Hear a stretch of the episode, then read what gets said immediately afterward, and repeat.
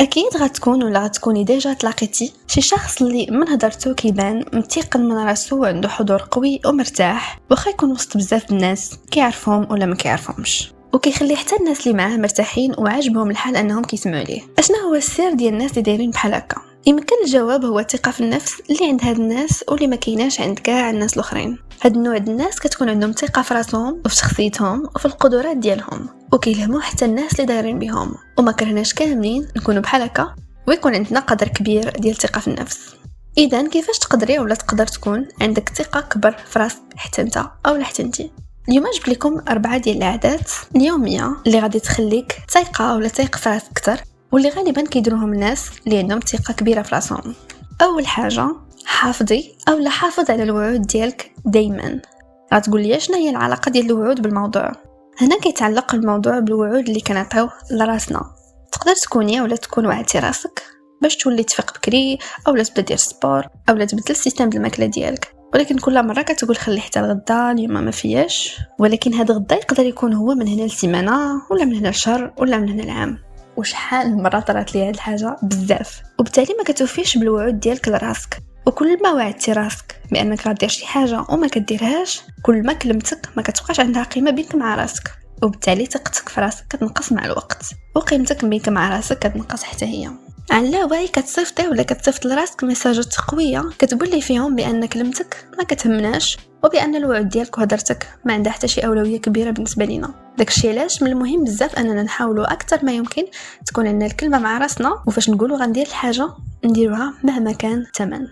أو على الاقل نحاولوا ثاني حاجة سولي أو سول راسك واش كتقول وكدير داكشي باش كتآمن والعكس واش كتآمن بداكشي اللي كتقول وكدير. الناس اللي عندهم ثقة في النفس غالبا كيكون عندهم نوع من النزاهه في هضرتهم وأفعالهم. داكشي اللي كيقولوا هو اللي كيديروا والعكس صحيح. كتلقى عندهم قيم ومبادئ باينين وغير قابلين للنقاش. كيعرفوا فوقاش يمشيوها مع الواحد ويقولوا آه ماشي مشكل وكيعرفوا فوقاش يقولوا لا. وبالمناسبة كل ما ما كتكونش عندك ثقة في النفس كل ما كيكون صعيب عليك تقول لا. وبالتالي كل ما غادي تكوني أو غتكون أكثر عرضة للإرهاق والاكتئاب لهاد الدرجة داكشي علاش؟ أول خطوة باش تولي عندنا ثقة في النفس. داكشي علاش؟ أول خطوة باش تولي ثقة ولا تايق في راسك أكثر هي دير داكشي باش أنت مقتنع وتعلم تقول لا. منين ما يعجبك شي حاجة ولا تكون ضد المبادئ ديالك. وما تخليش الأفكار ديالك في جهة والأفعال في جهة وتبقى عايش في التناقض.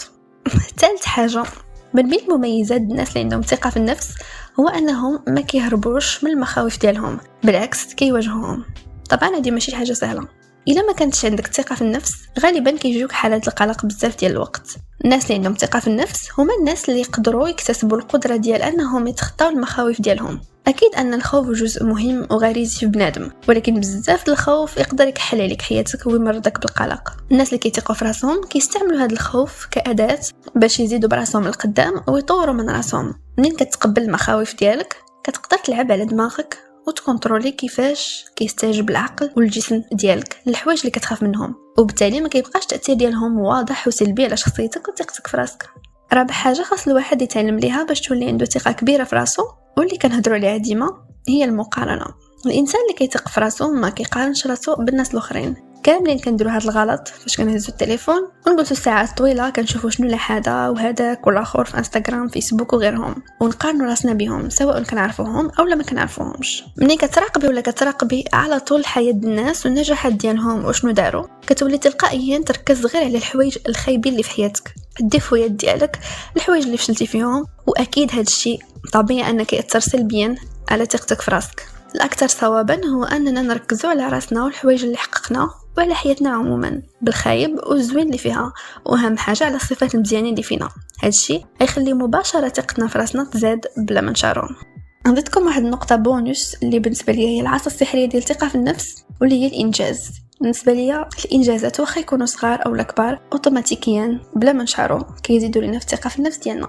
عمرك حاولتي تجرب وحدة من هاد العادات ولا يقدر يكون عندك déjà وحدة منهم؟ شاركوا معنا الرأي ديالكم في التعليق إذا كنتو كتسمعوا من يوتيوب أو عبر الحساب ديالنا في إنستغرام.